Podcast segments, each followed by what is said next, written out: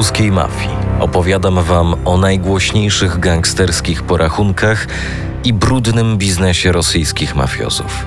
Jestem Maciek Jędruch i w tym tygodniu znowu przeniesiemy się do lat 90. XX wieku, czyli czasów, kiedy ruska mafia najbardziej rosła w siłę i szukała swoich ofiar wszędzie, gdzie się dało, nawet wśród znanych sportowców. Dzisiaj o tym, dlaczego nie warto robić interesów z rosyjskimi gangsterami. Zapraszam. Ruska mafia w RMFFM. Sportowcy, którzy padli ofiarą rosyjskich gangsterów. Sekwencja pierwsza. Kitek i Stupinkow.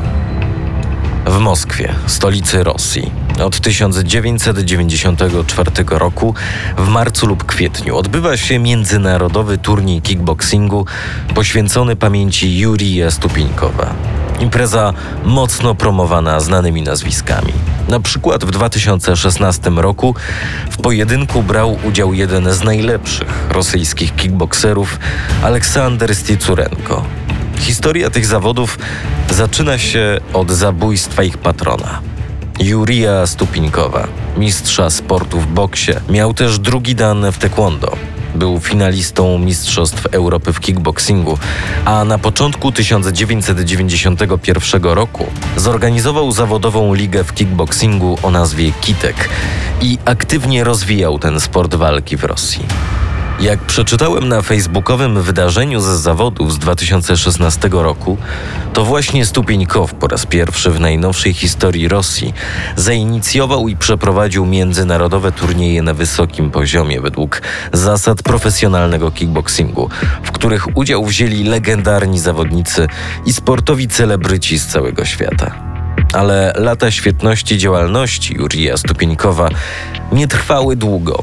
W archiwalnych materiałach gazety Kamiersant trafiłem na notatkę prasową z 9 lutego 1994 roku, zatytułowaną Zamordowany znany sportowiec. Prezesa Ligi Kitek zastrzelili z automatu. A brzmiała ona tak. Dwa dni temu, 7 lutego, około godziny 8.30, w jednej z daczy w rejonie Widowski w obwodzie moskiewskim nieznany zabójca z karabinu maszynowego postrzelił prezesa rosyjskiej ligi zawodowej Kitek, Jurija Stupinkowa. Został przewieziony do szpitala miejskiego nr 1, gdzie po operacji zmarł. Policja i prokuratorzy, którzy prowadzą śledztwo w sprawie morderstwa, uważają, że ma ono związek z działalnością komercyjną Stupinkowa. Przypomnę, że to pierwsza połowa lat 90. Po rozpadzie Związku Radzieckiego nowe państwo rosyjskie jeszcze kuleje, ale rodzą się pierwsze prywatne biznesy po możliwej prywatyzacji. Przypomnę również, jak opowiedział mi o tym Jacek Hugo Bader, reportażysta, znawca Rosji w latach radzieckich, w Związku Radzieckim nie było żadnego prywatnego biznesu. To było wbrew zasadom. Jak rozpoczęła się w Rosji prywatyzacja, to tam się po prostu działy prostu niestworzone rzeczy. Tym wszystkim uczestniczyła mafia i te wszystkie inne. I z tych e, małych e, e łobuzów, łamignatów, handlarzy walutą powstawali jacyś potężni oligarchowie z jakimś niebywałym e, majątkiem. Nie każdy drobny biznesmen stawał się oczywiście oligarchą. Często ci najbogatsi, później oligarchowie, w nieuczciwy sposób budowali swój majątek, kryszując, czyli ubezpieczając i ochraniając innych mniejszych biznesmenów, właścicieli małych firm i sklepów.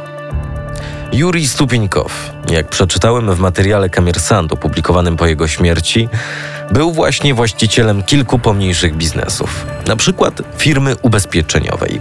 Sam ten fakt mógł tylko przybliżyć Stupinkowa do bliskiej znajomości z przedstawicielami moskiewskich zorganizowanych grup przestępczych. Ale nie tylko to. Jak przeczytałem na rosyjskim portalu kryminalnym, Stupinikow pochodził z obwodu kimierowskiego. Od 11 roku życia zajmował się boksem, później zainteresował się karate, otrzymał nawet czarny pas. To właśnie podczas treningów miał zawrzeć kilka znajomości, które w przyszłości będą dla niego kluczowe. Kickboxingiem, czyli dyscyplinie, z której stał się najbardziej znany, zaczął interesować się dopiero w 1988 roku. Mieszkając jeszcze w Nowokuźniecku w obwodzie kimierowskim, Juri bardzo dobrze znał szefa jednej z grup przestępczych. Olega Fetisowa. Jak przeczytałem, prowadził z nim jakieś interesy związane ze sportem. Znał też Władimira Labockiego, który nie zamierzał jeszcze wtedy organizować grupy przestępczej, ale już kręcił się wokół sklepów w domu handlowym Orbita, szukając zapewne nieuczciwego zarobku. Pomimo, że Stupieńkow znał kilka poważnych postaci z kryminalnego półświadka, sam jednak nigdy nie należał do żadnej zorganizowanej grupy przestępczej w swoim rodzinnym mieście. Sportowiec ruszył na podbój Moskwy pod koniec lat 80. W 1990 roku brał udział w pierwszym oficjalnym turnieju kickboxingu w Moskwie. I w końcu w 1991 roku wraz z partnerami otworzył zawodową ligę Kitek. W materiale opublikowanym na YouTube, który opisuje powody zabójstwa Stupieńkowa i całą jego historię, autorzy zaznaczyli, że w tym samym czasie organy ścigania, które chciały rozpracować struktury mafii Sącewa, wprowadzili Stupieńkowa do swojej bazy podejrzanych. Na podstawie informacji operacyjnych okazało się, że Juri, który miał przydomek doktor, jest blisko związany z Sącewem. Miał kierować jakąś brygadą bojowników, których uczył walki. Tym samym materiale na YouTube jeden ze znajomych Jurija Stupieńkowa mówi o nim, że kickboxer był osobą o szerokich horyzontach i świetnym organizatorem. Jak się okazało później, organizatorem nie tylko na sportowym poletku. Sekwencja druga. Motyw i zabójstwo. Wracając do tej tak zwanej działalności komercyjnej Jurija Stupieńkowa, którą śledczy określili jako motyw jego zabójstwa. Sukces sportowca przyćmił wielu jego znajomych, także z przeszłości. Stupieńkow miał jeszcze udziały w firmie farmaceutycznej. Tym biznesem zainteresowali się też tak zwani Labockie, nazwa od Władimira Labockiego, z którym przyjaźnił się w Nowokuźniecku. Czyli znana Stupieńkowowi grupa przestępcza z jego rodzinnego Nowokuźniecka, która w latach 90. przeniosła się ze swoimi gangsterskimi mackami do stolicy kraju. Jak przeczytałem, według niektórych informacji Labockie także chcieli mieć udział w biznesie Stupieńkowa. To znaczy najzwyczajniej chcieli od niego haracz. Sportowiec im odmówił i zaczął unikać niepotrzebnych spotkań z Labockimi. Właśnie wtedy miało się rozpocząć polowanie. Wielkie polowanie na Stupieńkowa. Według danych, które znalazłem, przeglądając rosyjskie strony internetowe i artykuły poświęcone zabójstwu Stupieńkowa, za zorganizowaniem zamachu stał niejaki Igor Powietkin, zamordowany w 2002 roku, uważany za prawą rękę szefa Labockich. A jak wyglądało morderstwo Stupieńkowa? Krótko opisała to gazeta Kamiersant. A opisała to tak.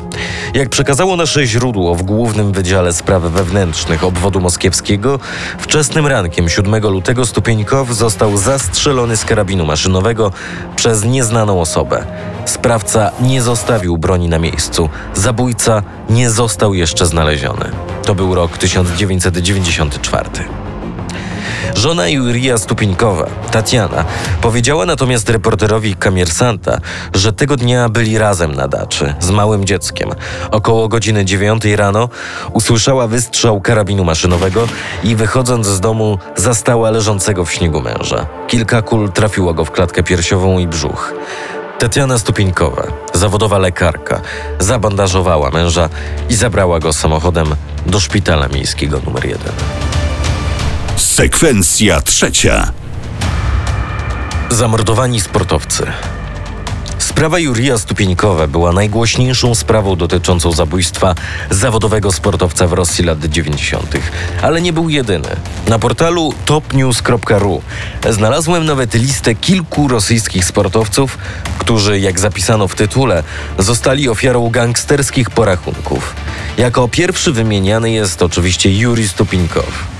Poza nim także Siergiej Kobozew, mistrz Związku Radzieckiego w boksie, brązowy medalista Mistrzostw Europy wśród amatorów.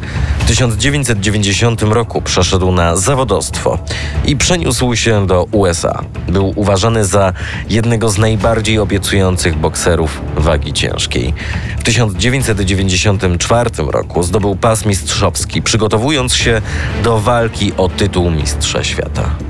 W tym samym czasie Kobozew pracował jako bramkarz w nowojorskiej restauracji, skąd wyrzucił swojego rodaka Aleksandra Nosowa za bójkę. Kilka dni później został porwany i zamordowany. Jego szczątki odkryto dopiero w 1999 roku na dziedzińcu domu jednego z przywódców rosyjskiej grupy przestępczej o nazwie Tatarska Brigada.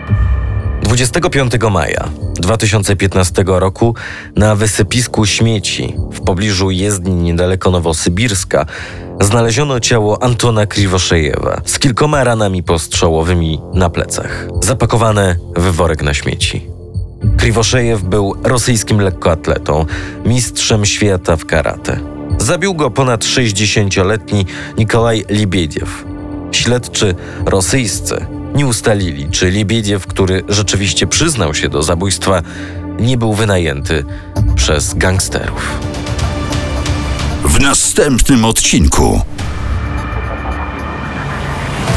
Kilka miesięcy temu na rosyjskojęzycznym portalu BBC opublikowano materiał dotyczący zabójstwa Borysa Niemcowa.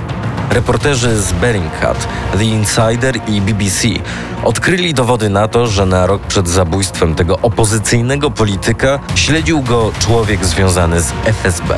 Ta sama osoba była prawdopodobnie zamieszana w inne zamachy na życie opozycjonistów, między innymi Aleksieja Nawalnego czy Dmitrija Bykowa. Czy poza FSB rosyjska mafia też maczała w tym palce? Jestem Maciek Jędruch i sprawdzę to w kolejnym odcinku Ruskiej Mafii w RMFFM.